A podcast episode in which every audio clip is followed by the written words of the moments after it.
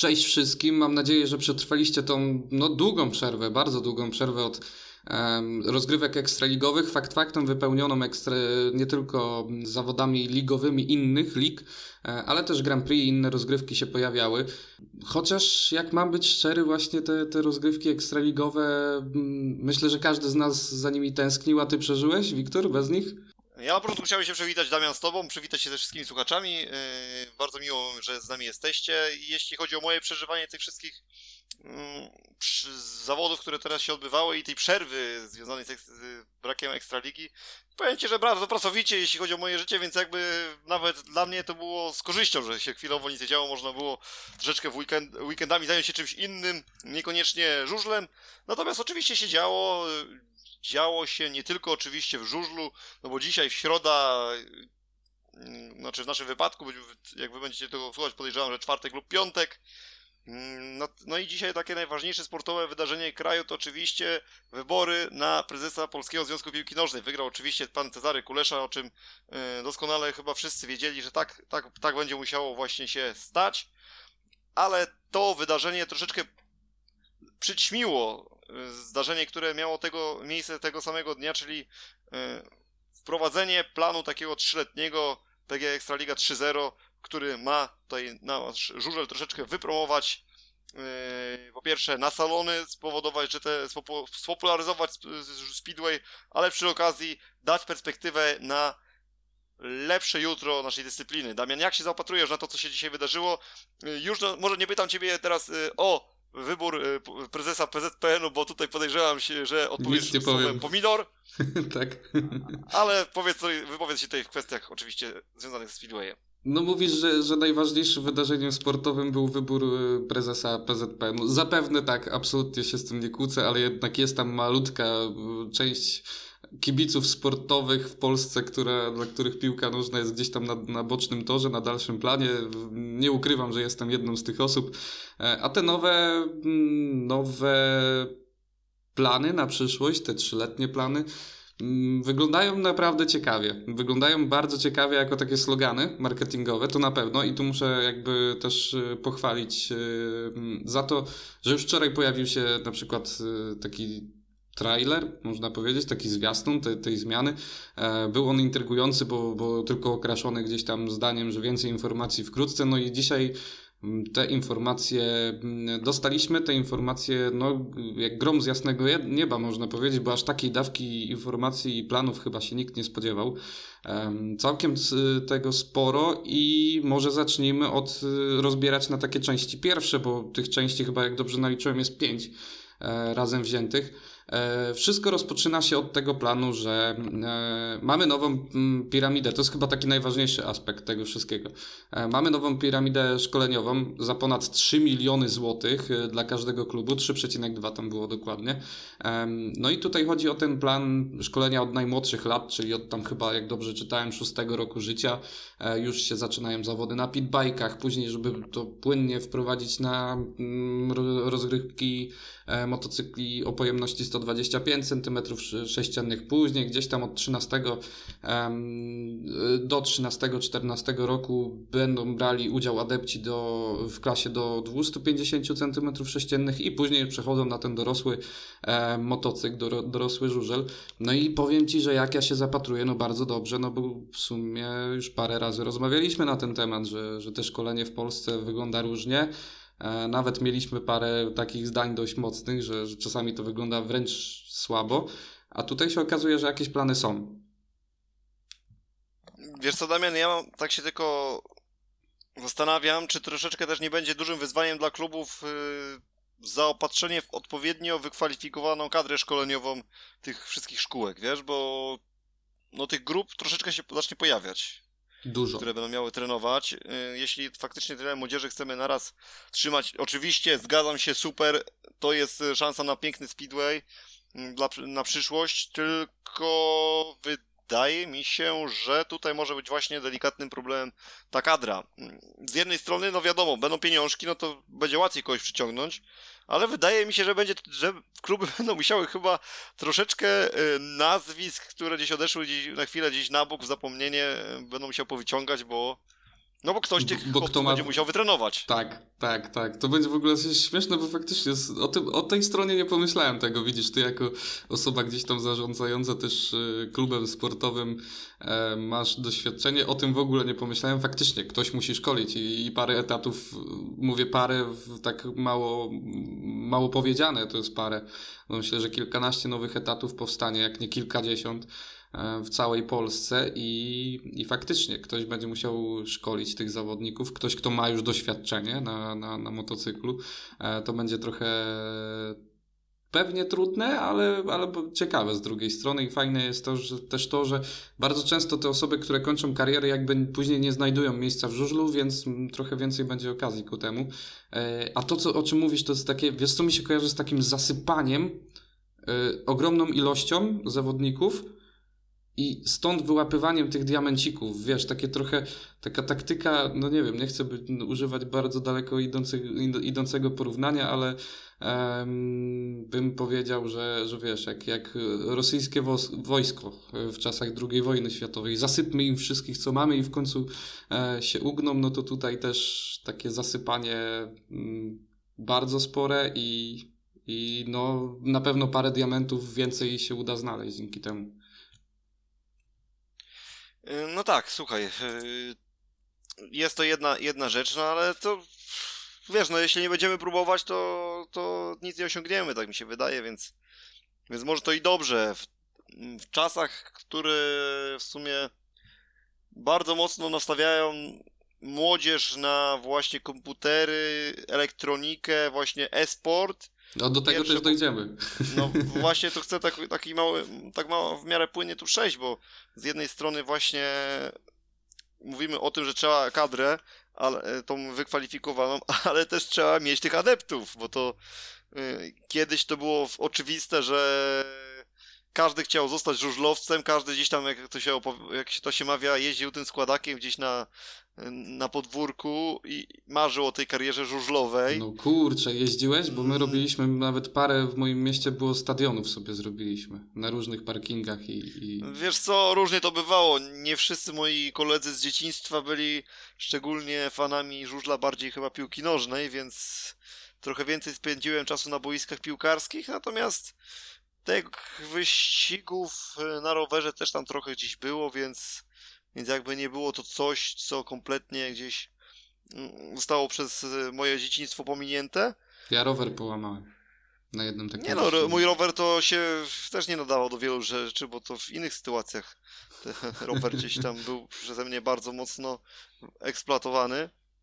Jeśli chodzi tylko teraz o te już e, typowo o te kwestie marketingowe. Po pierwsze, kluby będą musiały dużo pieniążków położyć same kluby w swoich ośrodkach, w swoich miastach będą musiały bardzo mocno postawić na marketing nie tylko związany teraz z, z powiedzmy drużyną i z meczami mm, gdzieś tam swojego zespołu, ale też teraz będą musieli rozszerzyć tę swoją gamę gdzieś tam e, bardzo mocno rozwiniętego marketingu też na te szkółki. Szkoleniowego. Tak, na te szkółki żużlowe. Bo tak, generalnie jest y, to oczywistym, jest to wręcz oczywiste, że ta, ten marketing właśnie w zakresie szkolenia powinien istnieć i powinien być rozwinięty już w tej chwili, już nawet nie, nikt nie powinien nas do tego zmuszać jakimiś swoimi gdzieś tam odgórnymi decyzjami. Mm, no ale też powiedzmy nie wszystkich na wszystko stać, bo to jest jednak jednak dosyć złożony interes prowadzenie takiego klubu żużlowego szczególnie, gdzie tutaj złożoność i specyfika i to, jak to wszystko jest skomplikowane, no jest bardzo, bardzo trudne. I też jest bardzo skomplikowane planowanie budżetów w takich, takich rozgrywkach, bo tak, bo tutaj może ci ktoś mecz odwołać przez warunki pogodowe. Tu nie wiem, ktoś do, tu... jakiś gdzieś się przewróci, tak? Tu ktoś ileś punktów zdobędzie na Dokładnie. torze więcej Tutaj niż się spodziewasz. Tutaj 70-20 i nagle cały budżet się idzie walić, można powiedzieć. Eee, więc, tak, więc... a z drugiej strony możesz 70-20 przegrać i następny mecz ci pół stadionu pustego przyjdzie i to takie no, jest... No, tych nie czynników wiesz, jest sporo, faktycznie. Jest, tych czynników jest sporo, bo bardzo ciężko tutaj ten budżet przewidzieć. Oczywiście yy, generalnie w większości klubów, o ile nie we wszystkich yy, ekstraligowych, yy, zarządzają osoby dosyć doświadczone, które na pewno już przez ileś lat umiały sobie wypracować jakiś tam model działania, jak te yy, środki użytkować, bo wie, już na bazie poprzednich lat można coś, wiadomo, wywnioskować, jakieś dane statystyczne sobie wprowadzić. Wiadomo, teraz te wszystkie dane statystyczne zostały w ogóle legły w gruzach przez pandemię, bo to, to w ogóle teraz jest yy, zupełnie wszystko się poprzewracało. Nawet spojrzysz, słuchaj, nawet jak spojrzymy na stadiony, no to zwróć uwagę, że faktycznie na tych trybunach trochę przeżydziło i to we wszystkich ośrodkach. I to czy żużel, czy piłka nożna, czy, czy, czy jakikolwiek inny sport spojrzysz na to, co się dzieje na trybunach, to już nawet czasami jest, y, nawet nie, nie jest kwestia tego, że są jakieś ograniczenia liczbowe, tylko te ograniczenia liczbowe nawet nie są wykorzystane. Po prostu no, ludzie jakoś troszeczkę się odzwyczaili od tego sportu, jest ich trochę mniej na trybunach. Nie wiem, czy to no jest takie jeszcze, wrażenie. Jeszcze elementy bezpieczeństwa, każdy ma inne zdanie, każdy inaczej to troszkę traktuje, więc nie ma co tu wchodzić, ale myślę, że też to może jakby mieć znaczenie w tym wszystkim. Z tym, że y, tak, ja to też zauważyłem, że ta średnia jest mniejsza, ale wydaje mi się, że to jest po prostu gdzieś tam jakiś kwestia czasu do tego, żeby wszyscy powrócili do, do tego stałego rytmu e, też meczowego, że, że niedziela to jest mecz i, i, i, po prostu na to przeznaczam ten swój dzień. Ale co chciałem mówić? Mówisz o tych pieniądzach e, i to, że to będzie duży wydatek, tylko że Ekstraliga tu właśnie wychodzi z założenia, że nie tylko wymagam, ale daję i wymagam. E, więc to nie, ben, nie będą kwoty, które dodatkowo zostaną gdzieś tam obciążone, e, którymi dodatkowo zostaną obciążone kluby ekstraligowe, tylko m, mm, dostają pieniądze dużo większe z kontraktu telewizyjnego i z tego kontraktu mają wydać na, na to, więc to jest o tyle też trzeba powiedzieć, że, że istotne w tym wszystkim, że to nie jest y, kasa, którą nagle kluby mają znaleźć, tylko my dajemy pieniądze, ale wy macie się z tego wywiązać. Oczywiście, y, tu się z tobą w zupełności zgadzam, tylko też się zastanawiam, bo mówimy, że te kwoty są ogromne, tylko teraz ja też nie jestem w stanie tak w 100% przekonany, jakie są generalnie dokładnie koszty funkcjonowania tego, co tej, w tej chwili Ekstraliga proponuje. No też nie wiem, więc nie chcę wchodzić w ten temat nawet. Więc tutaj no, mam nadzieję, że faktycznie ta kwota będzie odpowiednią, odpowiednim wsparciem tych wszystkich ośrodków i nie będzie miał nikt z tym problemu, chociaż druga strona jest taka, że nawet bez tego wsparcia, no, przynajmniej w połowie tych założeń każdy klub powinien gdzieś tam szkolić, więc... Tak, bo, bo z własnej chęci powinien tak robić. Dokładnie, to, dokładnie tak, więc myślę, że tutaj i tak każdy klub powinien wyjść y, z tego z jakąś korzyścią. Natomiast y, tutaj, jeśli chodzi o obciążenia finansowe, to bardziej myślę, że ta Ekstraliga U24 może być tutaj y, pro, tak. może być obciążająca. Tak, to jest ten drugi, drugi podpunkt, który, bo, bo ten jakby już, już zahaczyliśmy, wydaje mi się, że wszystko powiedzieliśmy. E, tak, i te zmiany na pewno są, są na plus. Myślę, że nie ma tu się doszukiwać e, dziury, nie ma co się doszukiwać dziury w całym. Zobaczymy, jak to będzie na pewno w praktyce wyglądać, ale e, to jest ten pierwszy aspekt, e, ta szkółka. Druga właśnie ta, o której ty wspomniałeś, nowe rozgrywki, nowe zupełnie jakby rozgrywki, nowa klasa rozgrywkowa, e, czyli tak zwana Liga U24 Ekstraliga. E, no i tu się zdziwiłem, powiem Ci, że byłem pewien, że to będą, wiesz, jakieś takie na zasadzie czwórmeczu, jak DMPJ do tej pory, drużynowe Mistrzostwa Polski Juniorów, a okazuje się, że to muszą być muszą być pełnowymiarowe, można powiedzieć, drużyny. Każda drużyna będzie musiała posiadać ośmiu, ośmiu zawodników y, U24, z czego czterech polskich młodzieżowych zawodników. No i strzelam, że właśnie o to Ci chodzi, jeżeli chodzi o te wymagania finansowe, bo tutaj może być kłopot, to może być całkiem wymagające. Tak, tak, tutaj też o tym mówię, bo y, tutaj z tego co zrozumiałem, to te rozgrywki mają pomóc złapać e, perełki nie tylko w Polsce, ale i za granicą. I teraz zwróć uwagę, jednak te, te, ten zawodnik z zagranicy, który tu będzie miał przyjeżdżać, nie wiem, czy on będzie miał tu stacjonować, czy, czy na jakiej to zasadzie dokładnie e, kluby sobie to w swoim zakresie tam podogadują. Natomiast to na pewno będą niemałe pieniążki, żeby takich, e, taki drugi zespół utrzymać. I tutaj tutaj ogromne na pewno będzie wyzwanie przed wszystkimi klubami. E, powiem tak, Damian, nie będę też okłamywał, nie miałem jeszcze czasu dokładnie się wczytać te wszystkie e, nowości, jak to dokładnie będzie funkcjonowało. Powiedz mi, czy do takiej ligi mogą się zgłosić drużyny spoza Ekstraligi? Nie, to mają być kluby, to mają być jakby takie kluby zrzeszone z tym klubem ekstraligowym, więc e, inaczej... Dobra, to ja przykładowo, mam wil... przykładowo, Wilki Krosno Przychodzi sponsor, mówi, rzucam 5 milionów, róbcie sobie, róbcie drugą drużynę U24. I co? I ona będzie musiała jeździć wówczas w drugiej lidze żużlowej, nie będzie mogła się do, podłączyć tak. do tego, jak myślisz? Tak, tak mi się wydaje, tak mi się wydaje, tym bardziej, że e, też tam wyczytałem w którymś momencie, że te rozgrywki U24 e, w tych rozgrywkach nie będą mogli startować goście, ani nikt z zewnątrz. Więc... To też, to, też, to też akurat widziałem. No tylko tutaj się zastanawiałem, czy może takie gdzieś tam niuanse Chyba nie, to ma być, wiesz, się dostrzec. Tylko też z drugiej strony, wiesz, wyobraź sobie sytuację, tak idąc dalej, teraz, na świeżo myśląc nawet, bo całkiem świeży temat. E, fajną rzecz zauważyłeś z tej strony, a ja pójdę w drugą stronę. E, jestem zespołem, który spada z Ekstraligi, ale musiałem, tak, musieliśmy stworzyć tą drużynę i nagle wypadamy z Ekstraligi i co? I, i, I co dalej, dokładnie i tą drużynę mamy e, rozebrać w pi, nie powiem co, e, czy, czy, czy jak to działa, nie? Faktycznie, to jest coś ciekawego, ale wydaje mi się, że nie, że to się ogranicza do Ekstraligi. Czyli zobacz, mamy troszeczkę niedomówień już na samym starcie.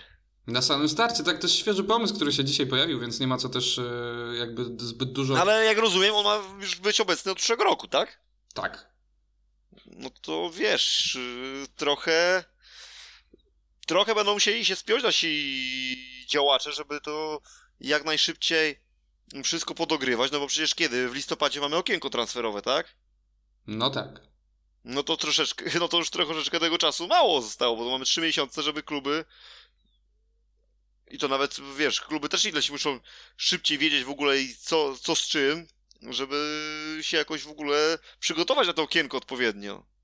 Tak, trochę powiem ci, że to wszystko Oby nie wyszło na łabu capu. Ja trzymam kciuki, bo ogółem idea jest piękna i brzmi bardzo wszystko to dobrze, ale wiemy jak jest y, z mówieniem, jak jest z wykonywaniem.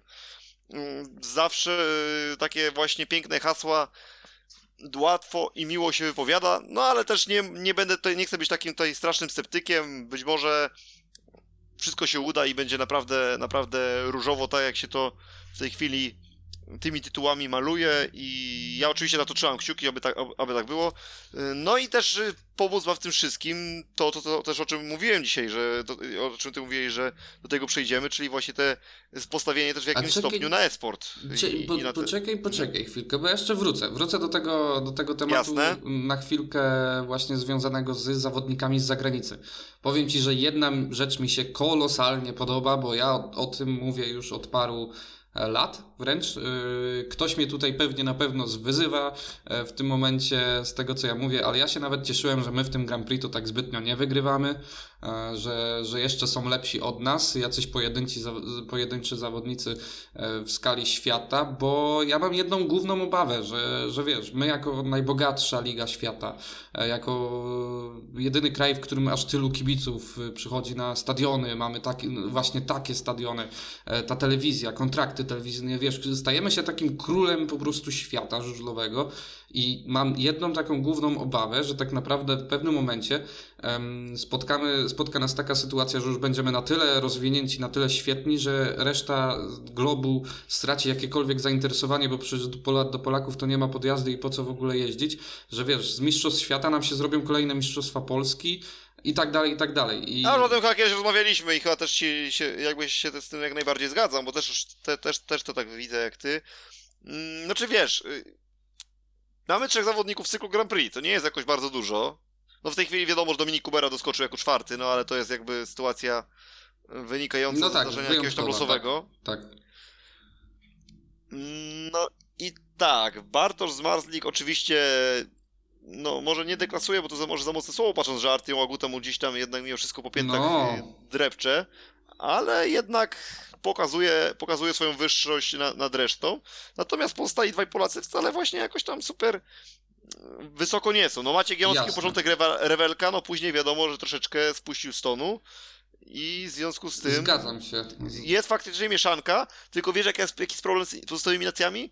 Dokładnie, że my mamy, chyba to samo powiesz. Że my, że my mamy drugą linię, że my mamy, tak, mamy jakiś zasób tak, tych zawodników, tak. a tam jest. Mówić. Szwecji jest Lindgren, no i co? No okej, okay, fajnie, Lindgren jeździ w finałach, Lindgren yy, staje na podium, no ale kogo masz poza Lindgrenem? No, no okej, okay, jeździ Bertson, ale Bertson no nic, nic nie wniesie, tak, do, tych, do tego cyklu. No, no tak, tak, tak. I, taką zagadkę ci nam, znaczy zagadkę, może nie, coś, co skłoni do refleksji. Wykreś wszystkich z e, Grand Prix. W sensie nie bierz ich pod uwagę. Kto zostaje?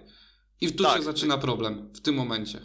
No dobra, Mikkel Mikkelsen e, będzie i Niki Pedersen będą Jasne, tak? To, da, to Dania, Dania, Dania jeszcze w miarę tam się co, coś sobie poznajduje, bo jest i Frederik Jakobsen gdzieś tam w miarę fajnie jeżdżący, z tych młodych zawodników młodego pokolenia. Patrick Hansen, tam się troszeczkę tych chłopaków w Danii się znajdzie, tak? Ale już pójdźmy w inne kraje. Okej, okay, Rosja, jeszcze masz Grisza, gdzieś tam się e, pojawi Tarasienko. Okej, okay, tu jeszcze, jeszcze jakieś tam pojedyncze nazwiska się... Szwecja? Tu już nie mam pomysłu w ogóle. A Szwecja już się robi problem. Szwecja już się robi na pewno większy problem. Wyspy ale, każdy, ale o Szwecji już daw od dawna mówimy, że Szwecja ma problem, jeśli chodzi o tak. jakichś zawodników y, na wysokim poziomie. No Antonio Lindbeck wznowił karierę, więc, więc jeszcze e, jest, jest Lindgren, jest ten, Asgren się pojawił, tak, który gdzieś tam y, sobie poczyna coraz, coraz śmielej. Ale tak jak ty mówisz, Wielka Brytania no tutaj też się robi problem. No jest Daniel Biuli, tak? Ale to są naprawdę pojedyncze nazwiska. Yy, teraz właśnie były Mistrzostwa Wielkiej Brytanii zresztą, nie? W, tak, Adam Ellis tygodniu. Tak, Więc dobrze, dobrze pamiętam. Że. Powiem ci szczerze, że o, patrz, zerkałem na wyniki w trakcie zawodów, yy, a teraz nie mogę sobie odświeżyć, jak tam się to wszystko pokończyło, aż sobie będą musiał gdzieś chyba to otworzyć. Wydaje mi się, że Adam Ellis wygrał te zawody, więc szybko sprawdźmy, żeby nie było e, wielkiego przypału w tym momencie. Mm. Znaczy przypał i tak już jest, bo się zastanawiamy w ogóle nad tym. Więc... Znaczy, no dobrze myślałem, tak tylko potwierdzę moje przypuszczenia. Adam to, jest, Ellis... to jest słynny zawodnik, który y, próbował walczyć o skład w Stali Gorzów. Tak, tak, tak jak z, zobaczyłem i w ogóle y, to jeszcze zobaczyłem Kima Nilsona w, w, mm, jako rezerwowy w Grand Prix też mi się skojarzył od razu ze Stalą, bo tam miał jeden epizod. Um, tak, to jest ten zawodnik... No właśnie, oto masz jeszcze jednego Szweda właśnie wymieniłeś. Bardzo, no tak, tak, tak. E, no, czy, pytanie, czy, czy na, na, poziomie gdzieś tam e, światowym, ale to już... A powiedz mi, bo tak e, trochę może tutaj się obnażę swoją... Sam, sam się trochę zaoram i obnażę swoją niewiedzę. Powiedz mi, czy, jak, jaka, czy to jest jakaś rodzina Simon Lambert z Robertem? Nie mam pojęcia. nie mam pojęcia. No i jednocześnie po podziękuj, bo obnażyłem również twoją. nie mam pojęcia na, nawet najmniejszego. Nie, nie, nie powiem ci, czy, czy to jest jakakolwiek rodzina, trudno mi powiedzieć. Właśnie bo, dałeś, znaczy właśnie nas poniżyłeś, wiesz, przed, przed słuchaczami. Bardzo Ci dziękuję. E, ale jeżeli ktoś wie, to, to dajcie znać, czy, czy cokolwiek na ten temat wiadomo. No, no ale to, to już mniejsza z tym. Y, po prostu chciałem mm, tak pochwalić Ekstraligę za to, że skupiają się też jeszcze jednym, jeszcze przed tym esportem szybko powiedzmy o jednym, bo będą, yy, będzie nowy system scoutingu i będą kampy. Yy, jak w NBA masz kampy, yy, tak tu, tu będziesz miał też żużlowe kampy U18, czyli under y, poniżej 18 roku życia, gdzie głównie będą zawodnicy zagraniczni pozyskiwani, że to będzie taka okazja do zobaczenia tych zagranicznych zawodników i bardzo mnie to cholernie cieszy, że Polska wzięła na barki jakby tą, ten cały żużlowy świat, bo nie ma co mówić, mamy największe pieniądze, największe możliwości, największych sponsorów, wszystko co naj, naj, najlepsze w żużlu jest u nas, e, może mało skromnie, ale taka prawda, jeżeli chodzi o finanse. I bardzo mnie cieszy to, że, że Ekstraliga dorosła do tego, że nie jesteśmy jedyni na tym świecie i teraz to my musimy dbać o to, żeby inni też się rozwijali. To jest super myśl i, i, i naprawdę Bardzo pozytywnie na to patrzę. Tak jeszcze dopowiadając, ten kamp właśnie ma być organizowany co roku, chyba parę razy właśnie w roku, że, że ma być to taka okazja mm, do pozyskania tych nowych zawodników, do zobaczenia ich. One tam będą zapraszani oczywiście e, przedstawicieli, przedstawiciele wszystkich klubów e, Ekstraligi. Będzie możliwość zakontraktowania tych, tych zawodników. To się spina gdzieś tam z tym klubem, z tym zespołem U24 też, więc jest ułatwiona droga ku temu. No i tak to wygląda. Troszkę już zadyszki dostałem. Co, co niektórzy powiedzieli, dobrze ci Brytyjczycy tych latach 70., 80., tak o, o, o resztę dyscypliny dba, dbali, nie? No, co, no. Nie, co nie jeden tak powie, no ale nie ma co się jakby no, wzorować na jakichś tam błędnych, błędnych zachowaniach. Trzeba, jeśli jest, jest jakaś potrzeba, no to warto faktycznie stać się takim ambasadorem całego sportu i po prostu to, tę dyscyplinę gdzieś do przodu Tak, poprowadzić. bo mamy takie możliwości. I bardzo fajnie, że tak się dzieje. I co Damian, będziemy mieli grę lepszą niż yy, żużlową niż y, Tetechlandu albo Speedway Turbo Sliders? Jest, jest możliwość, żeby coś lepszego powstało? Od Speedway Turbo Sliders to ty się odczep, odczep się. No myślę, że tutaj, tutaj myślę, że tę grę będzie ciężko przebić przynajmniej pod względem fizyki gry. Tak. Tu, to będzie trudne na pewno. Zachęcamy w ogóle teraz I odzorowanie ścieżek.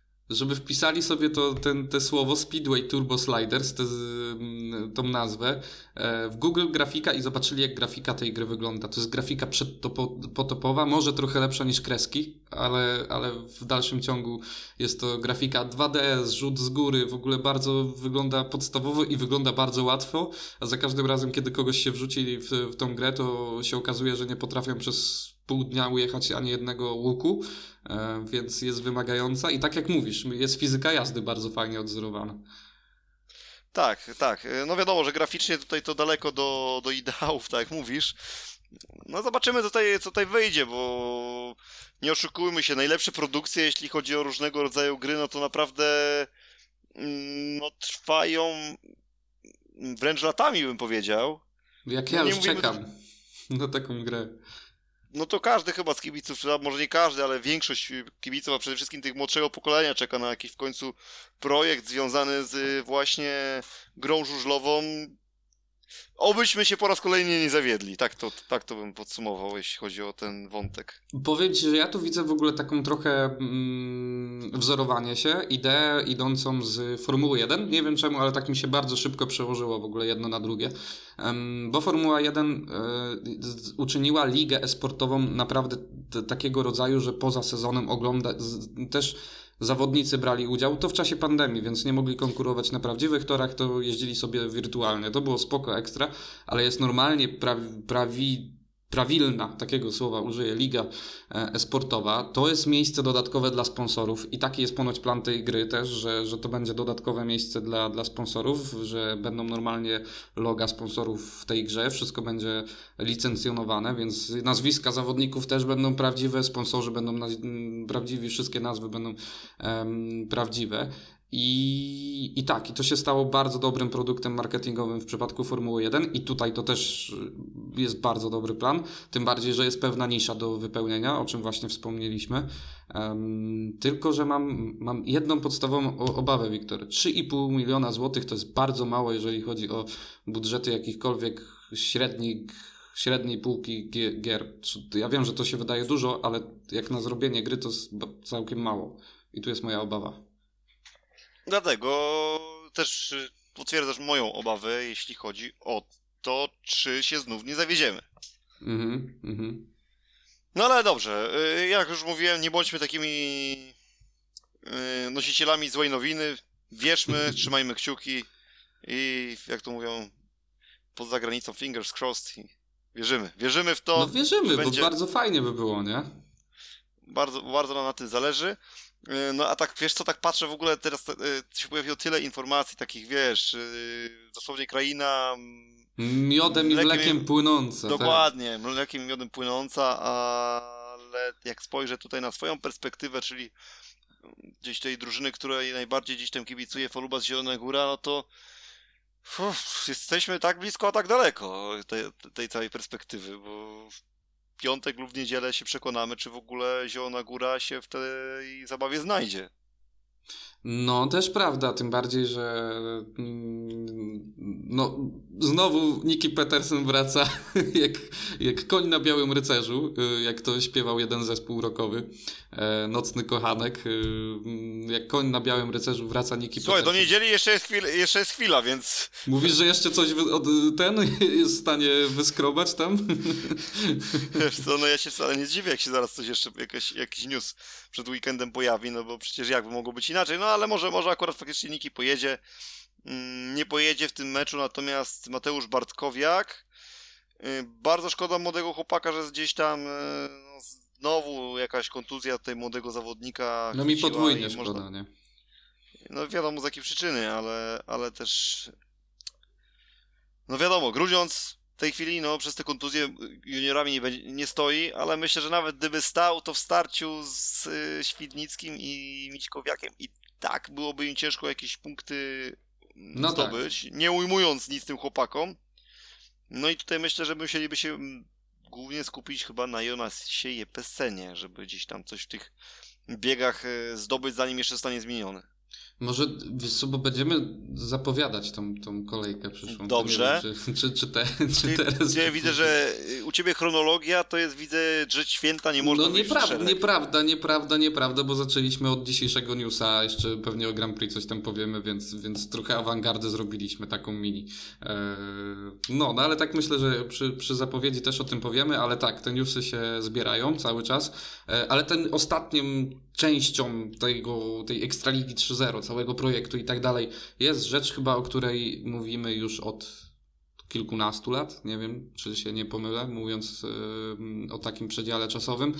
E, plandeki. Plandeki będą obowiązkowe, Wiktor, od 2022 roku i będzie to połączone wraz z. E, ty będziesz pewnie troszkę więcej na ten temat wiedział z racji profesji. E, z odwodnieniem liniowym. Domyślam się, że to jest taka krata idąca wzdłuż toru, tak? Przy, przy murawie, czy nie? No, w wypadku to, toru żużlowych najprawdopodobniej będzie o to chodziło, żeby tutaj taka krateczka popularnie nazywana, popularnie nazywane AKO mm, gdzieś tam się pojawiła i, i, później została y, no, ta woda gdzieś za pomocą odpowiedniego systemu y, kanalizacji deszczowej odprowadzona do no, no, no głębiej, o tak to ujmijmy, żeby sobie ją później gdzieś odprowadzić w bezpieczne, bezpieczne miejsce. Mhm. Mm, teraz pytanie się pojawia no, czy, czy, czy faktycznie ile klubów w ogóle ekstraligowych musi to, to no wprowadzać, bo a co mówisz, że nikt, żaden z zespołów ekstraligowych nie ma w tej chwili odwodnienia liniowego u siebie na stadionie? Aha, odwodnie... nie wiem, nie wiem jakie jest odwodnienie, nie mam pojęcia, nie, nie No moim, tak moim, nie. bo moim zdaniem na pewno większość ma. Mówisz? Yy... Wcale bym się nie zdziwił, jakby się wiesz, okazało, że połowa nie ma, nie, albo coś w tym stylu. Nie no to ja ci powiem, że ja to ja ci powiem więcej, nawet w Poznaniu na Golęcinie jest odwodnienie liniowe. Nie wiem, to już jest do temat gdzieś tam ekspercki mocno. Mm, znaczy nie mocno, bo wystarczy się przyjrzeć, czy jest po prostu kratka idąca wzdłuż toru, ale powiem ci, że w Gorzowie ja nie kojarzę, żeby taka krata szła e, zaraz przy murawie, przy, przy linii wewnętrznej toru, więc, więc kto wie. Nie wiem, w Gorzowie nie kojarzę czegoś takiego. No ale plandeki. Plandeki będą obowiązkowe Wrocław już ma tą plandekę, którą gdzieś tam skrzętnie użyczał, e, chociaż nie lubił z niej korzystać, też pamiętamy. E, z kolei Gorzów e, plandekę zorganizował sobie nawet ze sklepów ogrodniczych, jeszcze, jeszcze gdzieś tam rok temu, tak? To było w poprzednim sezonie lub dwa lata temu. Była, była walka z czasem, tak, to było dwa lata temu była walka z czasem i, i włodarzy gorzowscy poszli do, do sklepów e, ogrodniczych i kupili po prostu masę plandek i, i zamontowali ją na torze. Okazało się to być skuteczne, czyli to nie musi być jakaś ekstra super świetna, profesjonalna, dwumilionowa e, plandeka. E, no i dobrze, to jest w końcu to, czego brakowało. Cały czas o tym mówiliśmy i się nie dziwię, że te, telewizja tego chce, bo dla telewizji każdy e, nieodby, nieodbywający się mecz jest, jest ogromną stratą i, i się nie dziwię, że oni to wymuszają po prostu na klubach. No tak, tak, zgadza się, tak, tak mówisz, to strata nie tylko dla samych klubów, ale przecież dla telewizji, taki to jest ogromny cios. Tak, mówię, mówię o telewizji właśnie. Mhm, mhm.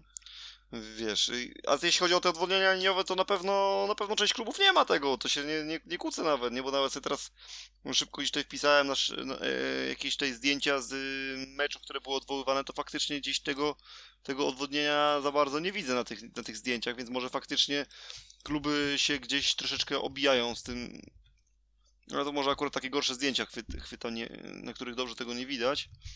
E, no ale być może faktycznie część klubów się tutaj takim wprowadzeniem takiego elementu trochę obijają. Dlaczego powiedziałem o tym PSG Poznań? Bo w zeszłym tygodniu rozmawialiśmy o PSG, być może i w przyszłym tygodniu też coś o PSG porozmawiamy. Może natomiast, być okazja ku temu. Natomiast yy, No pamiętam taki właśnie news gdzieś właśnie na fanpage'u PSG-tu Poznań właśnie o tym, że zostało gdzieś tam nowoczesne odwodnienie liniowe gdzieś tam wprowadzone na, na wirażach. Więc sobie myślę, no jeśli w drugiej lidze klub gdzieś tam z, raz z ośrodkiem sportu i rekreacji potrafił gdzieś wypracować jakiś kompromis, żeby w takie coś wprowadzić, no to Ekstralidze no trochę głupio, nie? Jeśli, jeśli ten, tak, takie o, coś czego ta Ekstraliga nie widziała, słuchaj. Czego ta Ekstraliga nie widziała? Jakich smaczków i kwiatków nie było. Więc wcale byś nie Tak, no tak, może tak być, ale wiesz, to też w sumie trochę... Mm, dla nas to też jest taki trochę minus, że tak nie, nie przyjrzeliśmy się, jak to wygląda do tej pory. Że nie zwracaliśmy aż tak uwagi jako, jako gdzieś tam widzowie i gdzieś tam sympatycy sportu żużlowego, że gdzieś tam troszeczkę bardziej się nie przypatrywaliśmy dokładnie, jak ta woda mm, gdzieś tam się rozchodzi. Nieraz widziałem właśnie te odwodnienia liniowe na, e, w kamerach, tylko nie pamiętam, w których, na, których, na których to było obiektach. Wiesz co, ja na pewno kojarzę, jedną rzecz, którą kojarzę mm, na każdym obiekcie, no to są te kraty, ale nie liniowe, tylko właśnie w pewnych punktach.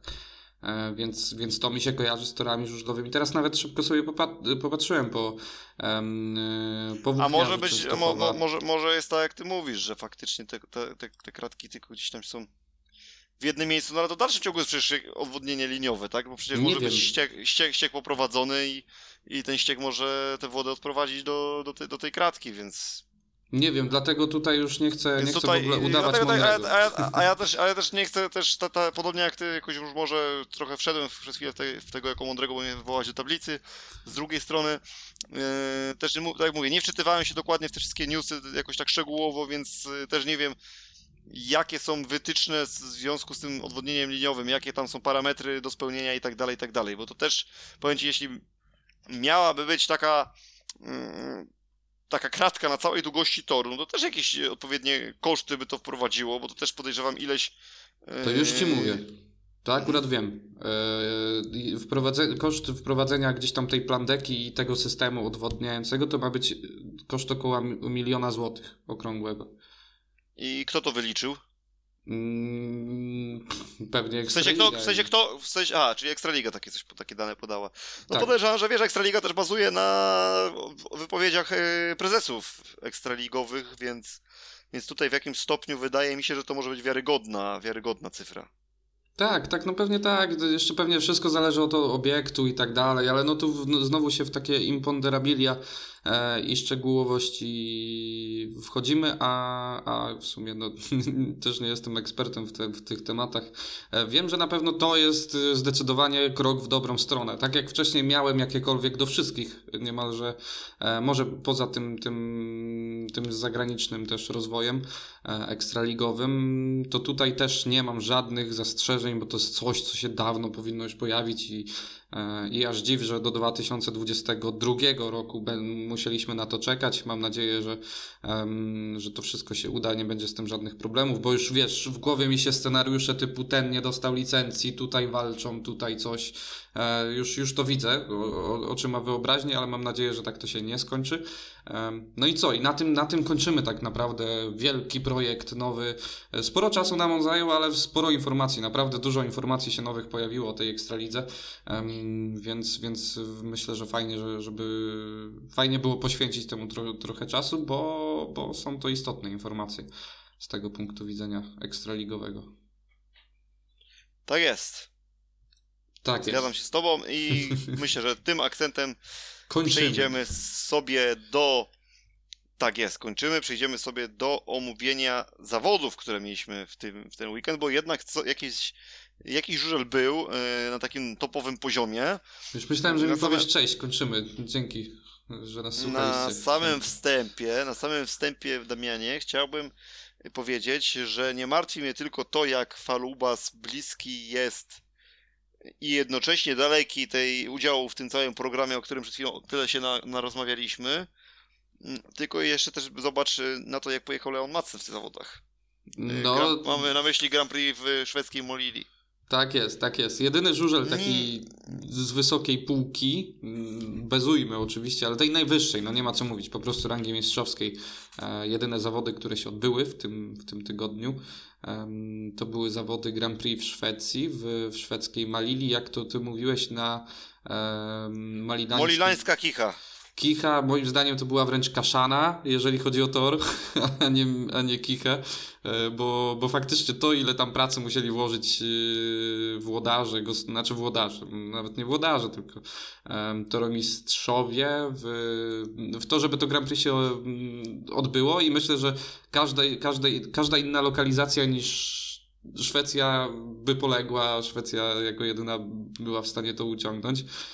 No i Leon Madsen się w tych warunkach kompletnie nie odnalazł. Tak naprawdę pierwsze zdobyte, tutaj wykrzyknik zdobyte na, na kimś punkty y, były w ostatnim biegu, fakt faktem wygranym i to jeszcze z najlepszymi zawodnikami dnia, jednymi, jednymi z najlepszych.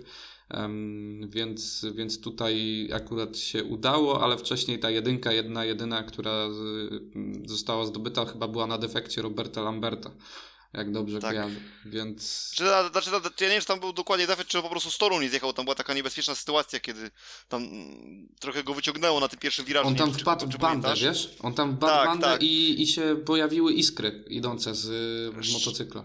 Szczerze powiedziawszy, jak oglądałem ten wyścig tylko w powtórkach, nawet nie w powtórkach, a w jednej powtórce i nie jestem pewny, czy tam właśnie był defekt, czy to po prostu Robert to był taki błąd zawodnika zjechał. połączony z defektem, że w sensie błąd zawodnika spowodował defekt. O, tak, tak bym ci powiedział. Aha, no dobrze. Y, a wiesz co mnie martwi oprócz tego, że, że Leon Madsen zdobył tylko 4 punkty?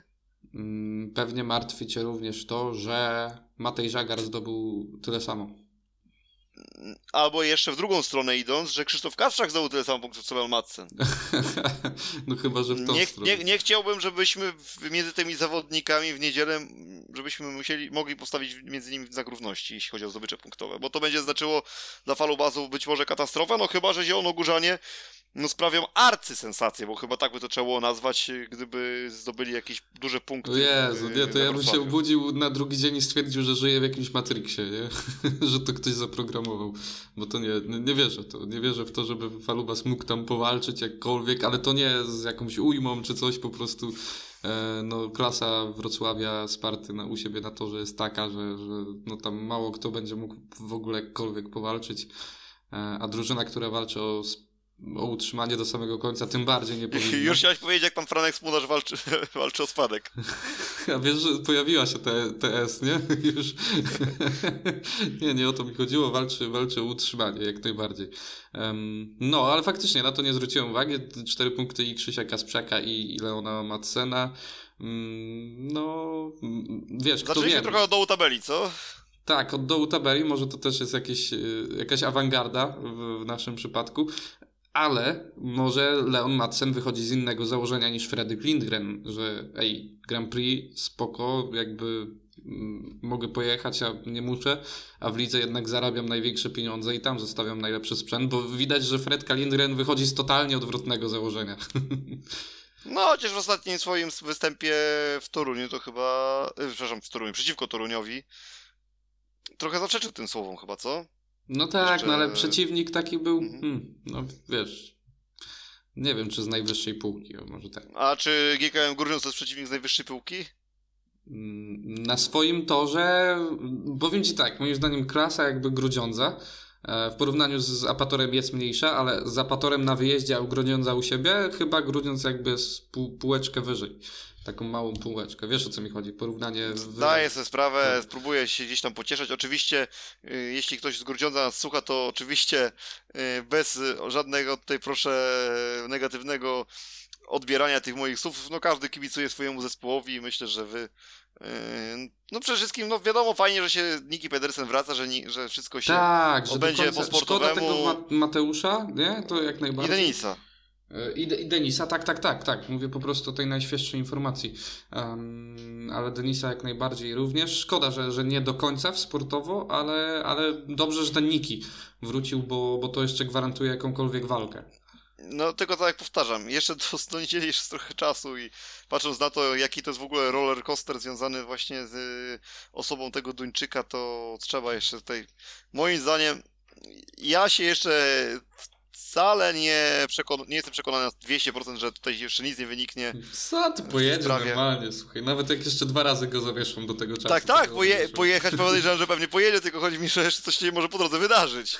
To, to jeszcze nie jest takie, wiesz, że to już jest takie, wiesz, klepnięte i że, że tutaj nie, nic się nie, nie, nie podzieje. Dobra, zostawmy na razie chwilowo tego Nikiego. Powiedzmy sobie tak, Bartek Zmarzlik przez połowę zawodów nas nie przekonywał, To jest mało powiedziane, załamywał. do tego stopnia, że nawet yy, nie do końca te zawody para komentatorska tutaj miała możliwość komentować, gdzieś troszeczkę się wycofali. Raz, raz pojawiali się i znikali, podobnie jak Bartosz Zmarzlik na prowadzeniu, No, jeśli chodzi o jego porównanie. występy.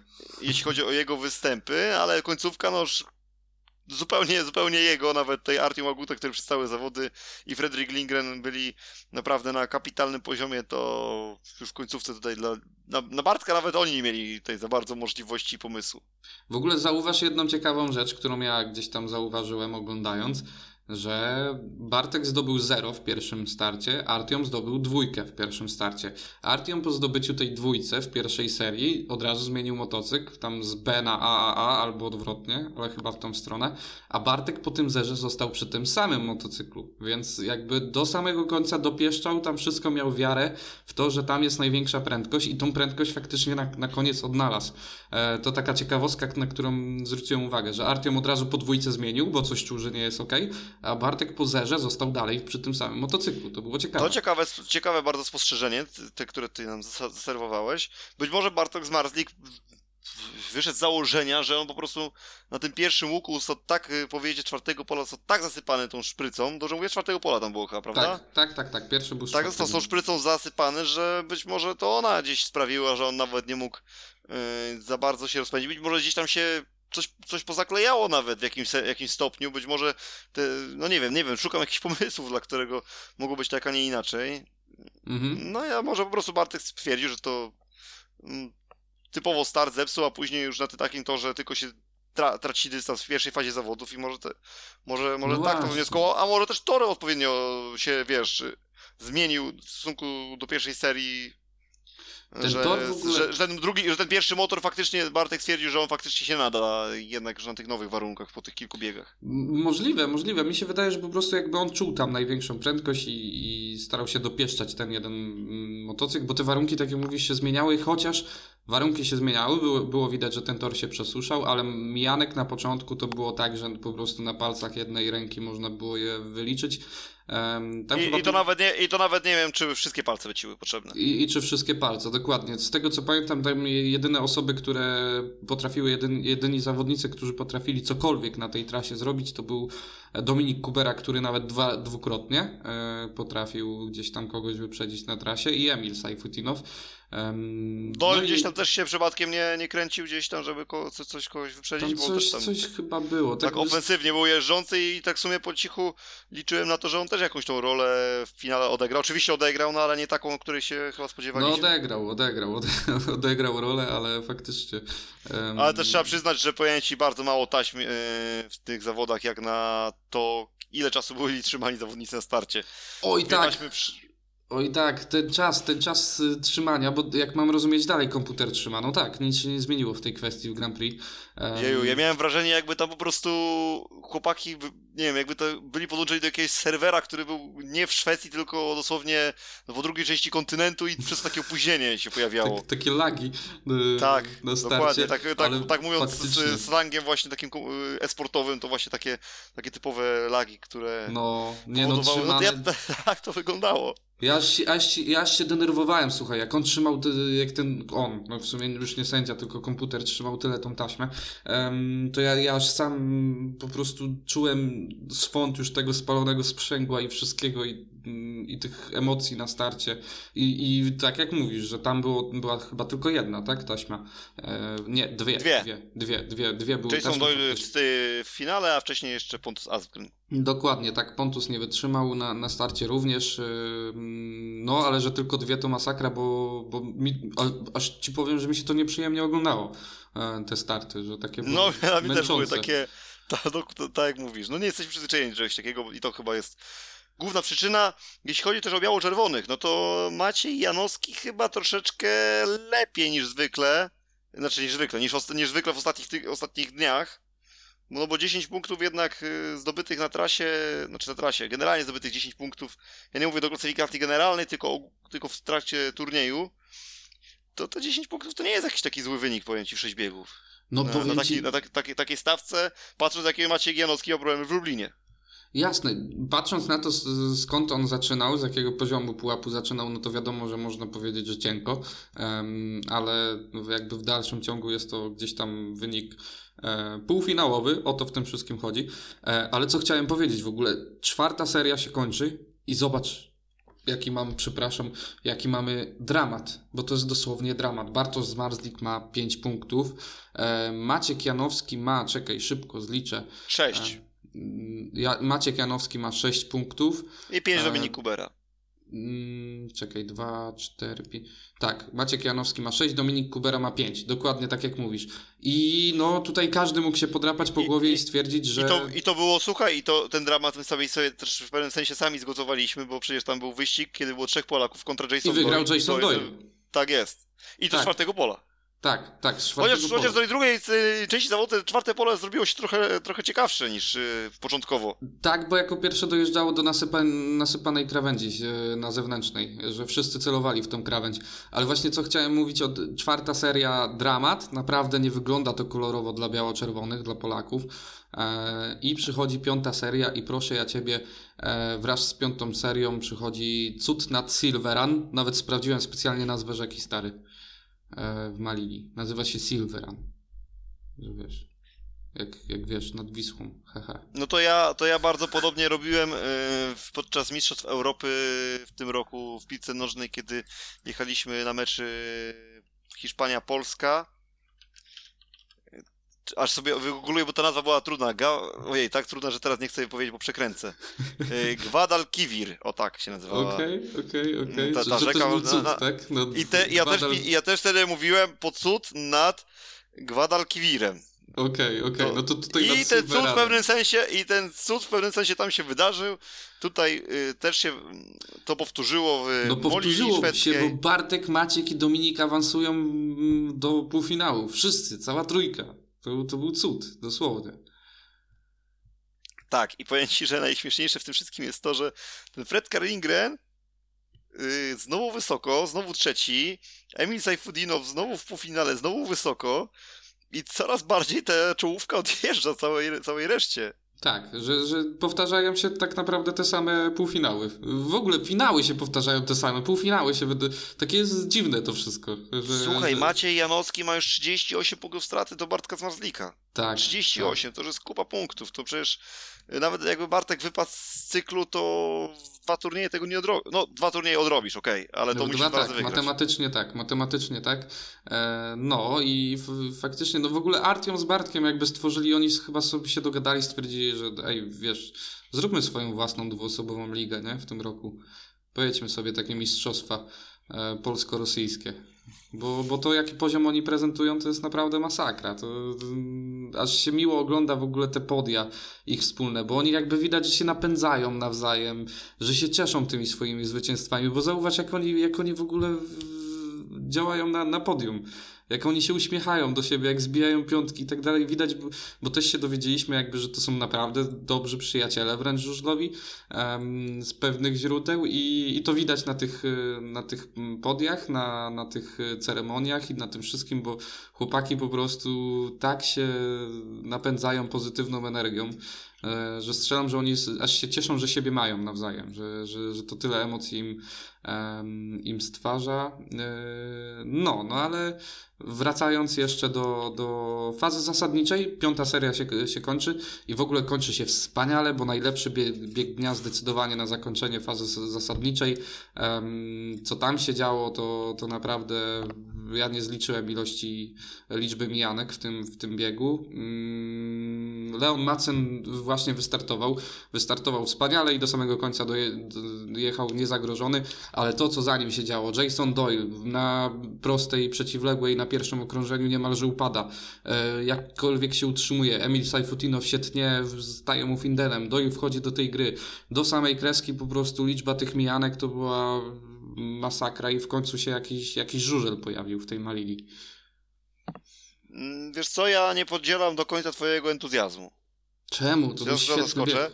Był oczywiście był bardzo dobry, tylko uwierz, że gdybyśmy mieli takie zawody, jak chociażby miewamy często we Wrocławiu, to ten bieg byłby dla nas jedny po prostu z wielu.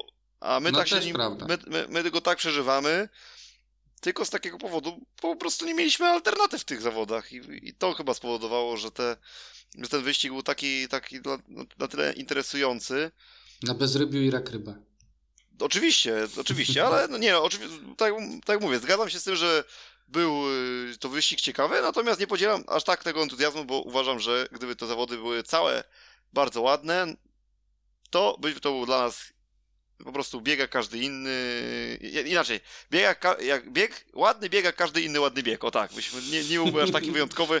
No bo zobacz, na przykład jak we Wrocławiu mieliśmy mm, gdzieś tam jakieś lepsze chwile, że był ciekawszy Speedway, albo w Pradze nawet wróćmy, bo był też jeden przez dzień yy, w, yy, na markecie, że było bardzo dużo, bardzo dużo pięknego ścigania. No to i tak zawsze się zna, znalazł gdzieś tam jakiś jeden wyścig, który był już w ogóle takim, wiesz, kwiatkiem nad kwiatkami.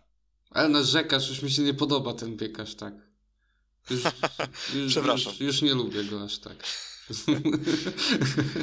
Dobrze, a powiedz mi już, bo nie wiem, czy jeszcze, czy jeszcze masz tu jakieś takie y, słowa, które chciałeś tutaj coś dorzucić do tego, do tego Grand Prix, czy mogę tak e, płynnie... Wiesz co, mam, mam, jeszcze, jeszcze, to zachowaj sobie tą płynną alegorię, jeszcze na moment. To będę e... musiał zaraz jakąś nową wymyślić. Dobra, ale to myśl, to myśl na bieżąco. E, no półfinały, chciałem tylko szybko powiedzieć o tych półfinałach. Bartek Zmarzik, czwarte pole, wyrusza w można powiedzieć, nadświetlną. E, torpeda świetna, już było widać, że znalazł tą prędkość i, i szczerze mówiąc po tym półfinale nie bałem się o finał bo, bo ta prędkość była, była świetna. I w ogóle w obydwu półfinałach już tej walki było co, troszkę więcej, więc te 3-4 ostatnie biegi troszkę więcej emocji nam dały. No, no i tak, wiesz co, całość chcę zakończyć, bo kiedyś y, usłyszałem w tenisie takie stwierdzenie i to był, to był jak dobrze, tak, dobrze pamiętam, to były słowa Rogera Federera, że nie sztuką jest wygrywać, kiedy wszystko idzie po twojej myśli, bo, bo to żadna sztuka. Jak każda piłka ci siada i tak dalej, no to wiesz, to, to po prostu grasz i wygrywasz, nie ma problemu. Ale sztuką jest wygrać mecz, który ci absolutnie nie idzie. I, i sztuką jest y, wygrać spotkanie, w którym nic nie działa tak, jak powinno, a ty i tak jesteś w stanie to wszystko jakby przekuć wygraną, mm, po prostu siłą swojej gdzieś tam woli i techniką e, gry. No i tutaj te słowa, te zdanie mi, mi do, do Bartka z Marzlika bardzo mocno przypasowało, bo to był taki turniej, w którym nic nie szło, cały czas było szukane, cały czas coś się działo i na sam koniec tak naprawdę te, te poszukiwania dały efekt jakikolwiek. E, I po tym można powiedzieć, że się poznaje tych, którzy mają walczyć o tytuł mistrza. Jak nic nie idzie, to, to koniec końców coś się znajdzie. I też chciałem powiedzieć, rzucić troszkę kamyczek do ogródka też Bartka. Znaczy nie Bartka personalnie oczywiście, tylko bardziej do tej nowej punktacji. E, że tu to był turniej, który pokazuje właśnie troszkę niesprawiedliwość tej, tej punktacji, bo Bartek znalazł absolutną torpedę na sam koniec zawodów um, i, i wygrał te zawody, zdobył 20 punktów do klasyfikacji generalnej, a zdobył mniej punktów niż Artyom Łaguta. To jest właśnie ta niesprawiedliwość, o której mówiliśmy. No tak, gdzieś tam w jakimś stopniu, stopniu jest tak jak mówisz, yy, ale to myślę, że co Grand Prix będzie można znaleźć jakiś taki przypadek jakiegoś zawodnika, który słabiej punktował. Fred. Wcze wcześniej, a później, później się obudził, albo w drugą stronę, że super jechał, a później taśma, yy, czy, czy coś w tym stylu, tak więc tak więc no, w takiej klasyfikacji zawsze jakaś niesprawiedliwość będzie. Yy, ty się tutaj mar martwiłeś o to, jak się to w tych półfinałach i finale będzie rozgrywać, a powiedz mi, czy ty się martwisz, jak to wszystko będzie wyglądało w piątek na motoarenie? Mm, wiesz co? Nie. Nie, nie, w ogóle się nie będę martwić. tym. bo bo czym tu się martwić? No niech słuchaj. Się, niech się dzieje wola nieba, z kim pojedziemy w playoffach, z tym pojedziemy. No, tu już były te słowa, ja nie lubię tych y, zdań na temat wybierania przeciwnika, że Stali tak by specjalnie przegrała, bo chcą pojechać z motorem Lublin. Ja cię proszę, z motorem Lublin, że niby słabszy, z, takim Dominikiem Kuberą, który jeszcze nie miał okazji potwierdzić tej dyspozycji swojej obecnej w lidze, a coś czuję, że będzie cholernie wysoka, um, bo jeszcze nie jeździł w tej formie w lidze. Nie no, jeździł. Nie, ale w sensie tak długa to była przerwa, że mi się wydaje, że on teraz y, jeszcze bardziej potwierdzi tą, tą formę i że będzie w absolutnym sztosie akurat na playoffy. Z Wiktorem Lampartem, który robi komplety we wszystkich y, juniorskich zawodach i, i już dawno odstawił nawet Kubę Miśkowiaka w ostatnim czasie. Um, więc Kaman, to, to jest słaby przeciwnik, to ja dziękuję za takiego słabego przeciwnika w playoffach. No to teraz no to teraz, teraz yy, w takim razie musi tutaj Stal Gorzów yy, no pojechać po prostu na pierwsze zawody, jakie będzie potrafiła. Patrząc na to, jakim składem tam się pojawicie, no to... Dlatego nie, może Anto... spokojny o ten mecz. Bo taki Antonio może taki Antonio Lidwek by się wam teraz przydał. No, no może, albo nie, nie, wiem, nie mam pojęcia kto. Może ej, weź, zaraźmy szumka woźniaka covidem czy coś, żeby przyszedł gość. E, na ten mecz. No nie wiem, nie mam pojęcia, oczywiście żartuję. Nie martwię się o ten mecz w ogóle, bo, bo no, skład Stali Gorzów na ten mecz wygląda przepięknie. Po prostu jak się spojrzy w ten program meczowy, jeszcze w tego fałszywego Martina Waculika, który oczywiście będzie... No to weź, no, jak możesz, to, skoro już tak spoglądamy w ten program meczowy, to weź mi proszę Ciebie przeczytaj ten, ten skład Stali Gorzów, bo właśnie Ale... chciałem go usłyszeć. Ale mnie wkopałeś, bo teraz nie mam przed sobą. Aha. A masz? No właśnie nie, dlatego liczę na ciebie. No to słuchaj, daj mi y, sekund dosłownie pięć i już ci mówię, bo ten skład y, będzie brzmiał wspaniale. To jest y, skład tysiąclecia, bym powiedział, żużlowego. Już ci mówię, bo już mam przed sobą. Już mam przed sobą. E, w składzie Stali Gorzów występuje numer jeden Bartosz Zmarzlik, numer dwa Anders Thompson. Wszystko brzmi jakby świetnie do tej pory, no nie? E, numer trzy Markus, Markus Birkemoze, numer cztery Rafał Karczmarz, e, numer pięć Martin Waculik, za którego przypomnę pojedzie tylko Bartosz Zmarzlik i Anders Thompson z, z podstawowego składu. znaczy z tych zawodników, którzy... którzy no jak, a Karczmarz? No tak, no, dlatego się poprawiłem z tych zawodników. I Birkemos? Którzy którzy będą mogli zapunktować, więc za Waculika pojedzie Birkemoze i Karczmasz yy, i z Marsdik i Thompson, więc z ZZ tej będzie yy, też pociecha marna, no i pojedzie Oliwier Ralcewicz, który troszkę na głęboką rzucony, znaczy nie troszkę, okropnie na głęboką yy, wodę rzucony, chociaż Aż po raz drugi. Już po raz drugi, ale wydaje mi się, że na podobnie jak głęboką wodę za rok zostanie rzucony Oskar Paluch i, i, i nie będzie z tym miał mm, żadnego problemu wręcz. no, już mniejsza, bo ten chłopak po prostu to, co on robi, ostatnio wygrał też turniej zaplecza juniorów, gdzie po, rozjeżdżał naprawdę duże nazwiska już wśród juniorów polskich. Więc będzie pożytek, coś czuję z chłopaka, ale musimy czekać. No i Kamil Pytlewski zamyka skład Stali Gorzów.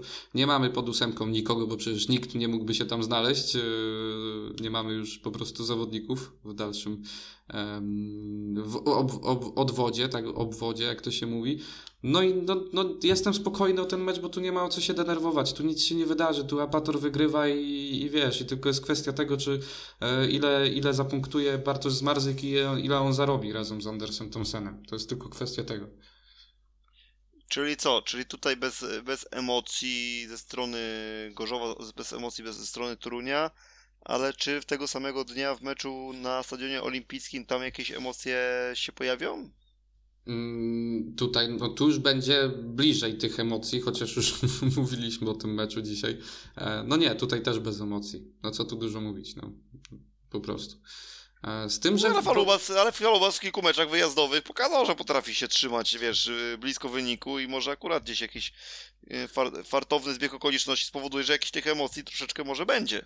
E, ten Falubas w ogóle jest biedny swoją drogą, no bo jakby się spojrzy, jak spojrzeć na, na mm, liczbę małych punktów, no to nie ma aż tak wielkich strat, to jakby nie jest to optymalna sytuacja, ale dużo, dużo tych meczów miał e, na styku, tylko że większość z nich przegrana i, i to jest ten cały minus. Ale zaskoczę Cię, bo mówisz o, o tym, czy, czy mm, tu będą większe emocje.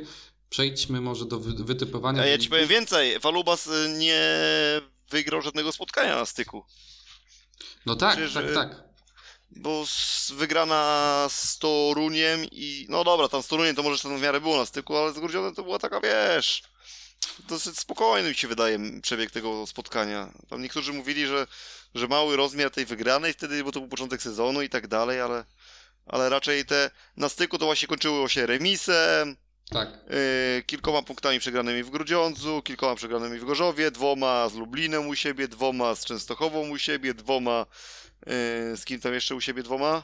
Yy, Częstochową oczywiście, dziesięcioma u siebie z Gorzowem, no ale tam to akurat Bęcki były, bo to wiemy jak się zaczęło, a jak się skończyło. No także no co, no, trzeba liczyć na łód szczęścia albo we Wrocławiu, albo w Grudziądzu i No ten Grudziądz miał o tyle więcej szczęścia, że te mecze się... Znaczy szczęścia. W sporcie nie ma szczęścia. W sporcie są wyniki i każdy na to zapracował. E, Ale no, jak nie nazwać szczęściem na przykład kontuzji w pierwszym biegu Taja Findena i faktu, że, że później e, nie mogli korzystać z ZZ-ki. Ale okej, to wszystko są wydarzenia sportowe. Nie mówmy o tym jako szczęściu lub pechu. Tylko, że, że Grudziądz skończył te, te mecze remisami. Nie przegranymi, tylko remisami. I tu jest, tu jest ta, ta różnica e, w punktach. Jasne. I, I tutaj może być właśnie jeszcze ciepło, jeżeli chodzi o Falubas, niestety przez to. E, Znaczy niestety, nie, niestety dla jednych, stety dla drugich, więc, więc tu nie ma o czym też mówić. E, się pytasz, czy będzie emocjonująco we Wrocławiu tego samego dnia? Em, na pewno powiedziałeś, będzie... że nie. Powiedziałem, że nie, ale powiem Ci, że na pewno będzie dużo mniejsza różnica, nie wiem czy dużo, ale będzie mniejsza różnica punktowa we Wrocławiu niż w Toruniu e, z, tym, z tym składem gorzowskim. A, to, to, to wcale nie jest. Nie, myślę, że aż ta, trochę za bardzo w czarnych barwach ten stal Gorzów malujesz, bo no pamiętaj, chłopie, że w. Toruniu, ale w Toruniu też jest y, przecież kontuzja, więc więc nie tylko, nie tylko stal będzie poszkodowana przy, przystępując do tego meczu. No jest, ale jak dobrze pamiętam, jest ZZ za tą kontuzję. Czy, czy źle pamiętam? No dobrze, no ale to jeśli, jeśli powiedzmy najlepszy lub drugi najlepszy zawodnik jest kontuzjowany, no to tak wiesz, to, to jest coś w stylu Martina Waculika, tak? Tak, tylko że w Toruniu będzie miał ktokolwiek chociaż jechać w tej Nie ZZ. no, jasne, jasne, ale pamiętaj, że 7 biegów tego z Marzlika, jeśli Thompson będzie miał dobry dzień i 7 biegów będzie jechał, to też myślę, że to nie będzie aż takiego dramatu z tym wynikiem. No niech zrobimy po 15 punktów razem. No to i tak jest 30 i ktoś jeszcze musi dołożyć 15 z całej reszty. Nie ma opcji. E, Ja tu nie mówię jeju, ja nie mówię o tym, żeby się wygrali mecz, tylko mówię, że to nie będzie, że moim zdaniem nie będzie aż tam takiego pogromu, żeby to nie wiem, miało być, yy, nie wiem, 62-28. No to jaki obstawiasz wynik w meczu yy, Apatora najpierw? Bo jak już zaczęliśmy tak trochę niechronologicznie. W ogóle cały odcinek dzisiaj jest nie, niechronologiczny. Powiem ci, bo, bo zaczynamy od wieczornego meczu. Eee, czekaj, no w sumie faktycznie, trochę tutaj też masz rację, bo w tej ci juniorzy też nic raczej mogą nie, nie pomóc. No dobra, 56-34 na korzyść Torunia. No u mnie jest 58-32. Więc podobnie. No, przepraszam, ja tak trochę teraz sobie przemyślałem, że tych juniorów nie macie, to faktycznie to jeszcze jest szkopuł taki. No tu jest dwóch zawodników, którzy będą punktować. I, I może tych dwóch plus tej jedynki, które się gdzieś pojawią. Może No ale może. Rafał Karczmasz też będzie w stanie jakiś No i przywieźć. Stąd się może pojawić te 32. To, to, to właśnie. Albo stąd. 34. Albo 34. A Sparta Falubas, jak tam byś obstawił? Ale wiesz, pamiętaj, że Bartek Zmartnik może równie dobrze zdobyć 21 punktów. No może. I to, i to, i to, nie, będzie, i to nie będzie wcale jakaś wielka sensacja. Pamiętam, że Nils Christian Iversen raz w Bydgoszczy nam zrobił taki wynik i, i wygraliśmy ten mecz. E, No, to był, to był ciekawy, ciekawe spotkanie. Mm, I chyba Bartek nie ma takiego kompletu jeszcze, bo 18 zdobył kiedyś, pamiętam, że zrobił, ale 21 to nie kojarzę, żeby Bartosz Zumarzik kiedykolwiek zrobił. A lubi motorenę, to się może wydarzyć, więc kto wie. No ale jeszcze raz ponowię pytanie. Sparta Wrocław, Falubas Zielona Góra. Jaki wynik? A! Niech stracę. A ciul. 50-40. 50-40.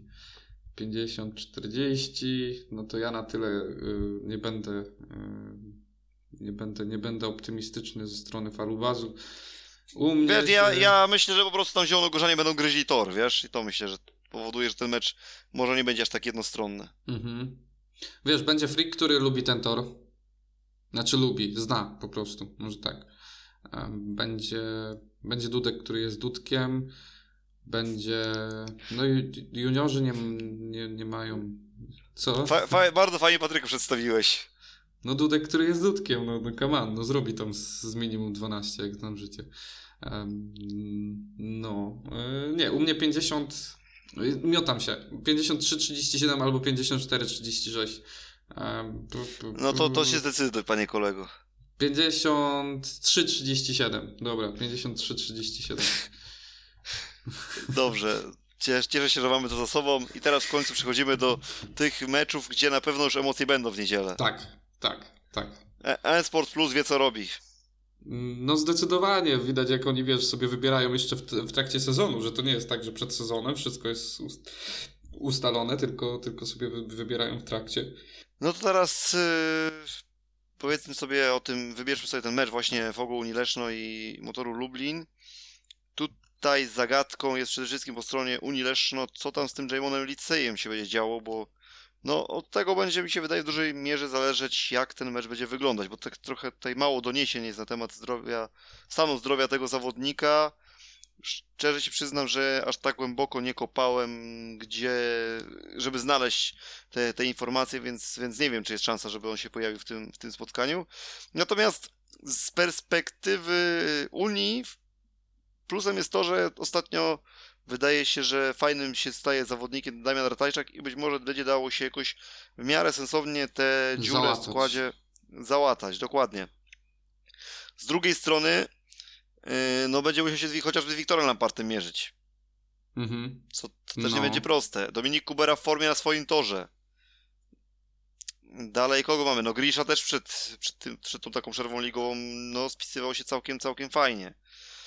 Mikkel Mikkelsen, no, uskrzydlony informacją o dzikiej karcie na, na Grand Prix w Danii, to też, też na pewno będzie chciał po raz kolejny pokazać, że zasługuje na takie, takie wyróżnienia. Tak więc tutaj y, motor przyjedzie na pewno zmobilizowany. Z drugiej strony, jak spojrzymy na Fogo Unię, wydaje mi się, że to jest zespół, który który teraz ma czterech takich seniorów, wszystkich no dobry, w dobrej dyspozycji, bo Doyle też już, zobacz, pojechał ładnie w Grand Prix. Sajfodino jeździ praktycznie we wszystkich Grand Prix na wysokim poziomie. Janusz Kołodziej na torze w Lesznie, no jeśli nie zdarzają się takie przykre jakieś tam zdarzenia losowe, że gdzieś tam się przewróci, to raczej też jest pewniakiem. No i Peter Pawlicki w Zielonej Górze, mam przypomnieć, co zrobił? No tak, Peter Pawlicki to jest y, faktycznie taki naj, najbardziej jaskrawy przykład tego, że, że Unia wraca do formy, bo bo to, to nie był tylko ten mecz w Zielonej Górze. Nie, nie, nie. To już wcześniej się zaczęło i to już było widoczne e, i, i faktycznie jest widoczny ten progres u Petera i tak jak dawaliśmy tam te dętki, pamiętam, że się pojawiały u mnie to chyba nawet dwa razy czy trzy, bo było źle, było naprawdę źle, teraz jest y, dużo lepiej. Naprawdę jest dużo lepiej, zaczyna być z powrotem jednym z tych filarów e, leszczyńskich i, i był zdecydowanie największym mm, aktorem w, w tej wygranej Unii w Zielonej Górze. No, obydwie drużyny faktycznie mają trochę argumentów.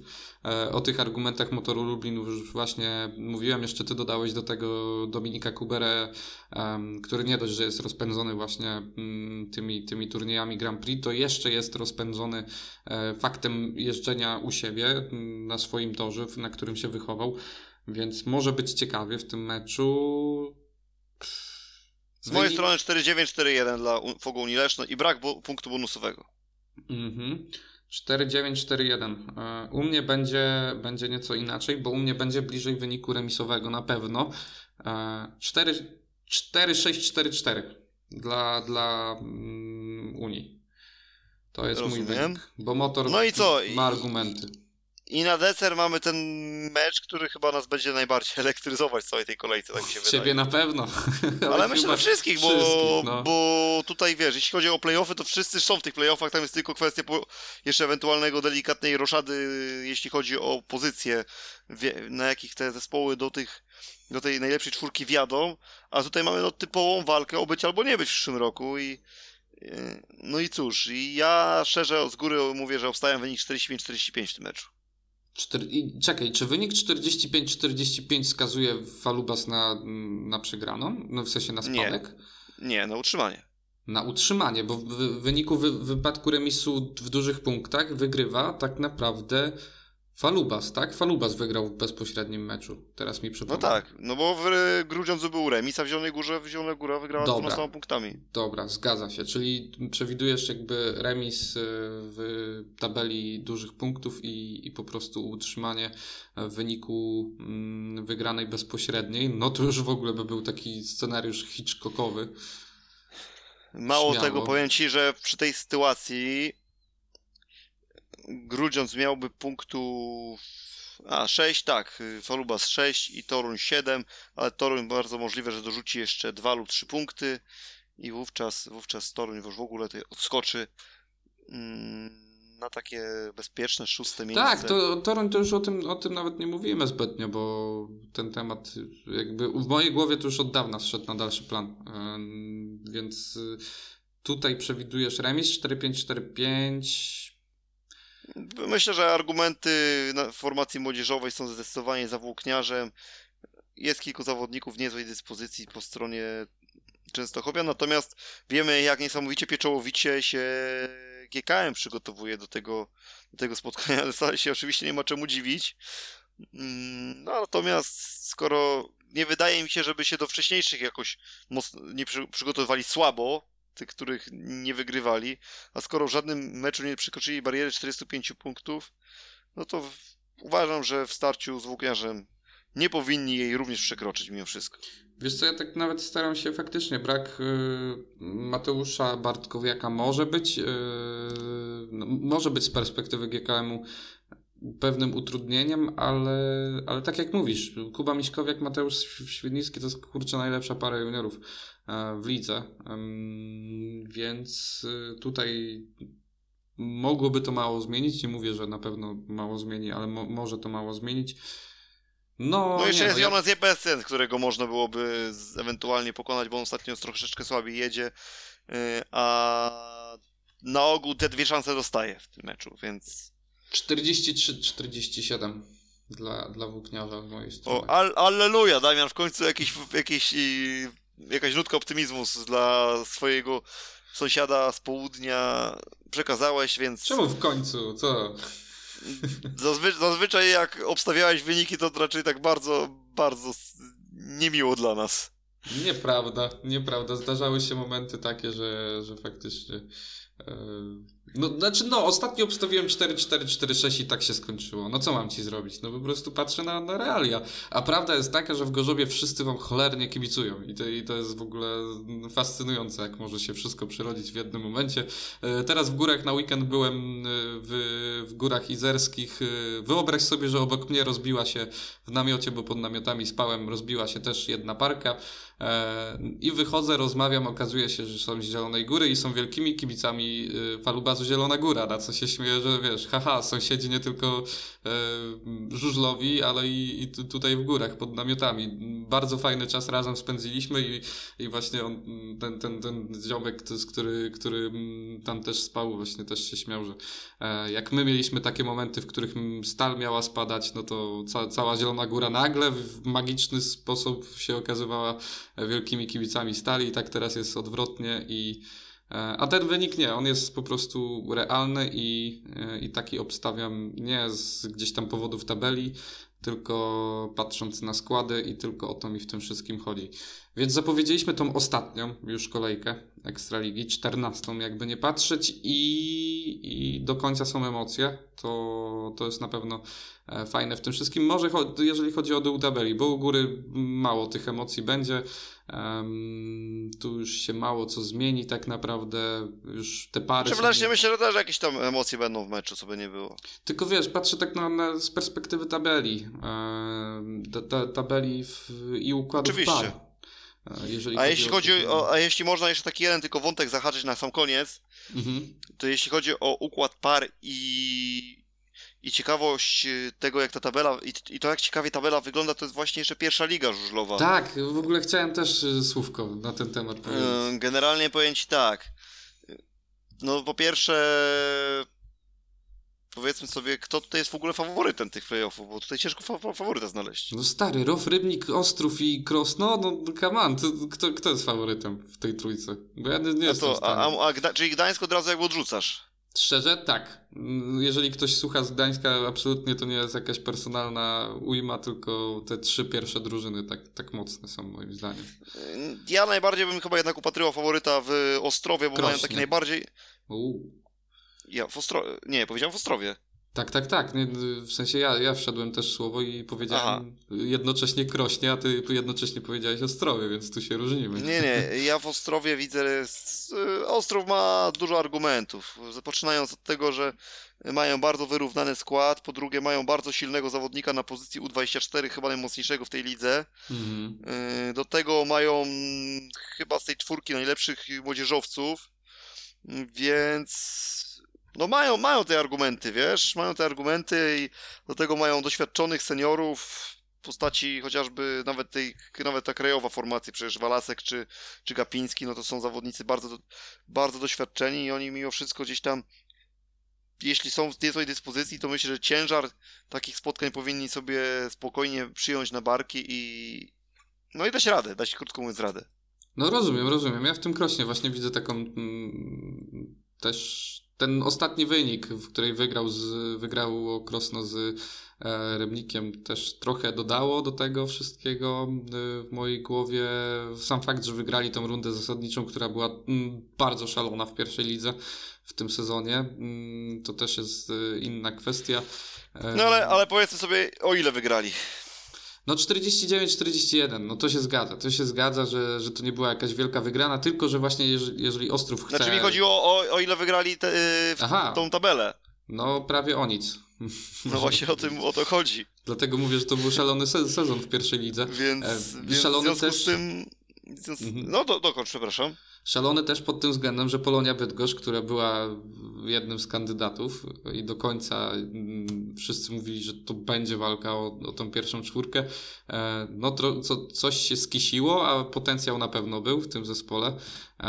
I, I nawet pamiętam, że, że były takie momenty, w których e, wręcz e, była mowa o tym, jakoby Szymon Woźniak był już dogadany po awansie do Ekstraligi z, z Polonią Bydgoszcz i, i tam jeszcze Emil Sajfutinow miał wrócić na stare śmieci.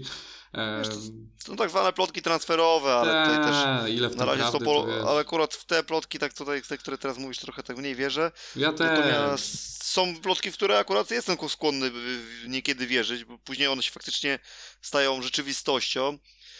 Mm, A jeśli chodzi o Polonię Bydgoszcz, to powiem Ci tak, oni też mocno byli poturbowani też przez te kontuzje, które gdzieś tam troszeczkę Ta, po nich chodziły. i- Oczywiście nie w, tym, nie w tej skali co Unia Tarnów, bo Unia Tarnów to po pierwsze no, była po prostu grumiona przez te kontuzje, a po drugie no, efekt Unii Tarnów jest taki, że spadają z ligi, no to Apolonia Bydgoszcz nie wchodzi do playoffów, no to myślę, że to jest mniejszy mm, mniejszy kaprys na twarzy nie wejść do playoffów niż spać z ligi, nie? No to nie, no to zdecydowanie tak, z tym, że mm, no, mm, też ambicje były trochę inne, no ale Unii Tarnów też były zupełnie inne. Unia Tarnów tak naprawdę pokazała to. Jeju, swoje- Unia Tarnów przed sezonem, jak spojrzałem na skład, to myślałem, że to będzie faworyt do w ogóle wygrania tej ligi. Oczywiście, oczywiście, jeszcze z, ze słynnym, słynną Nowym akcją. miesiącem. Z Pawłem Miesiącem, dokładnie. Em, ale Unia Tarnów tak na, naprawdę na koniec, w końcu w optymalnym składzie, em, na dwie ostatnie kolejki pokazała swoją siłę, bo wygrana 54-36 z Orłem Łódź, całkiem przekonujące, jakby nie patrzeć. I do tego przegrana, fakt faktem przegrana, ale 49-41 na terenie też trudnym, bo w Gdańsku. No to pokazuje, że ten zespół miał potencjał i, i faktycznie tam wszystko, co mogło nie wiem, czy kojarzysz takie stwierdzenie jak paradoks Marfiego, że jeżeli coś się może spieprzyć, to na pewno się spieprzy, że, że zawsze, zawsze tak będzie. No i tu, tu się spieprzyło wszystko. No ale cóż, no może, może wrócą silniejsi, nie wiem, nie chcę tutaj sloganami żadnymi sypać. E, Szkoda tego sezonu i będzie ciekawie w tej pierwszej lidze, bo jeżeli Ostrów chce być, tak jak mówisz, mistrzem pierwszej ligi awansować do Ekstraligi, no to musi się jeszcze po drodze uporać w półfinale z Rowem Rybnik, który też nie jest łatwym przeciwnikiem. W finale będzie czekał też wymagający przeciwnik, więc jeszcze sporo przed nami. A jeśli chodzi tylko tak jeszcze tutaj do powiedzmy sobie, że Tarnów zakończył sezon, tak jak mówisz, sportowo całkiem nieźle, ale zakończył również z nowym prezesem. y, którym został pan Krzysztof Lechowicz. Co powiesz na, na to? Jak się, jak się na to zareagujesz? To ja ci powiem, bo widzę, że cię zaskoczyłem troszeczkę teraz tym, co mówię. To tak, po pierwsze, ja tutaj sobie tak szybko rzuciłem okiem na profil tego pana i ten pan jest związany z Tarnowskim Żużlem od ponad 30 lat, ale uwaga, przede wszystkim jako kibic, ale również jako jeden z twórców fanklubu. Był e, okay. organizatorem wielu wyjazdów i spotkań, także tu można e, powiedzieć, Czyli że człowiek troszeczkę... z pasją. Tak, działał też przy organizacji meczów i bieżącej działalności klubów, e, ale to było dosyć dawno. Mm, to było z 20 lat temu, z tego co tutaj gdzieś, gdzieś, gdzieś wyczytałem. Tak więc można powiedzieć, że człowiek troszeczkę wyciągnięty z trybuny chyba, co? Do, do prowadzenia klubu. Co prawda, no, no, no jest też absolwentem Politechniki Rzeszowskiej. Mm, był rzecznikiem prasowym do, gdzieś tam Dąbrowskiej Policji, pełni yy, funkcję radnego Rady Miejskiej w miejscowości Żabno. Yy, no to teraz pytanie, czy to jest, no też, też tu widzę, że pełnił y, funkcję kierownika produkcji oraz menedżera.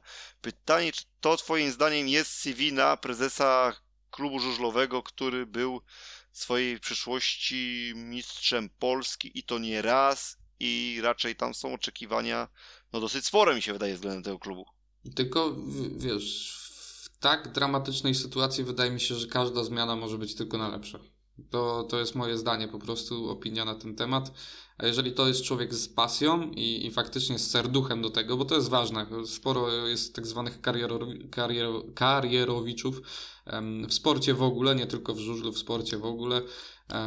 I, jeżeli to nie jest jeden z tych karierowiczów, a z tego co mówisz, no to jest człowiek związany z trybunami, z, bezpośrednio e, z kibicowego świata, z kibicowskiego świata, no to tu, tu jest nadzieja na to, że, że faktycznie będą szczere chęci, jak najszczersze, jak to tylko możliwe. E, a jak są szczere chęci, to sam wiesz też dobrze o tym, że to jest wyczuwalne wśród y, i sponsorów, i innego rodzaju um, działalności, więc no nie wiem, moim zdaniem gorzej nie będzie. To jest mój komentarz do tego. No dobrze, czyli Damian, y, jest y, w takim razie też y, promyk pozytywnej takiej energii, nie tylko dla tych, którzy znaleźli się w playoffach, ale również tutaj znaleźliśmy promyk taki dla Polonii Bydgoszcz, że zawsze mimo tych wszystkich nieprzeciwności losu, które się im przytrafiały, to jednak los ich o tyle oszczędził, że chociaż bezpiecznie utrzymują się w lidze, no tego szczęścia nie miała Unia Tarnów, a ich promykiem nadziei z kolei jest nowy prezes i być może y, ten prezes poukłada tak te wszystkie klocki tarnowskiego Speedwaya, że w przyszłym roku być może już z powrotem wrócą do pierwszej ligi. Oby. Tego życzymy. Lubimy takie historie. Patrz przykład motoru Lublin. Musieli spaść na same dno, żeby dosłownie sezon po sezonie awansować do Ekstraligi w tym momencie jeżdżą e, o najwyższe cele, będą, awansują do, do playoffów, będą walczyć o, o tytuł drużynowego mistrza Polski. Zobacz, jednak da się i, i Lublin to pokazał najbardziej. I właśnie co do tego, że się da, i co do tych promyków nadziei i co do ty, tego pierwszego tematu, który mieliśmy, moją największą obawą było to, że tym całym genialnym planem Ekstraligi, PG Ekstraligi na e, przyszłość będzie KSM. I to była po prostu już myśl, która aż, aż włos mi się jeżył na głowie, że ktokolwiek może o tym pomyśleć. Sporo tego było ostatnio w mediach, sporo się o tym rozmawiało. Na całe szczęście to nie jest plan i z tego co słyszałem, czytałem, to, to w ogóle nikt tego na poważnie nie brał pod uwagę. E, a właśnie taki, taki klub jak Motor Lubin pokazuje, że da się od samego dołu, dobrym zarządzaniem, dobrym e, podejściem, szczerą chęcią da się wrócić do walki o najwyższe cele i żadne sztuczne jakieś twory typu kalkulowana średnia meczowa albo inne ograniczenia nie są potrzebne, po prostu potrzebne jest dobre zarządzanie i tyle w temacie. To też chciałem tak na koniec powiedzieć, bo to mi sen z powiek spędzało, że wróci znowu ten poroniony KSM. Ależ nam tutaj Piotr Żyto wprowadził powiedzonko do naszego, do naszego podcastu. Jakie? No z tym włosem jeżącym się na głowie. Wiesz co, z tego co kojarzę, to trochę wcześniej było, ale... no tak, ale, ale nigdy tego nie używaliśmy. Zaczęliśmy to używać po tej, po tej wypowiedzi Piotra Żyto. Nie, kiedy... ja to często używam. Tak? Tak na co dzień. A mi się wydaje, że tutaj chyba tego to nie było tak często, a może ja tak zacząłem często na to zwracać uwagę. W każdym razie yy, też podniosłeś tutaj ważną kwestię na koniec, yy, żeby właśnie te zarządzanie wyglądało przede wszystkim żeby przede wszystkim właśnie tak jak mówisz, to zarządzanie było decydujące, jeśli chodzi o to, w jakich pozycjach również sportowo znajdują się kluby, a nie jakieś właśnie, tak jak mówisz, sztuczne kreowanie mm, i ułatwianie jednym, utrudnianie drugim Taki tego. komunizm od, żużlowy, wiesz. Odna odnalezienia się w tabeli. Tak więc co, Damianie, ja Ci za dzisiaj chyba już dziękuję. No dziękuję, że mi dziękujesz. Chciałem się tylko upewnić, że nie masz nic więcej do powiedzenia.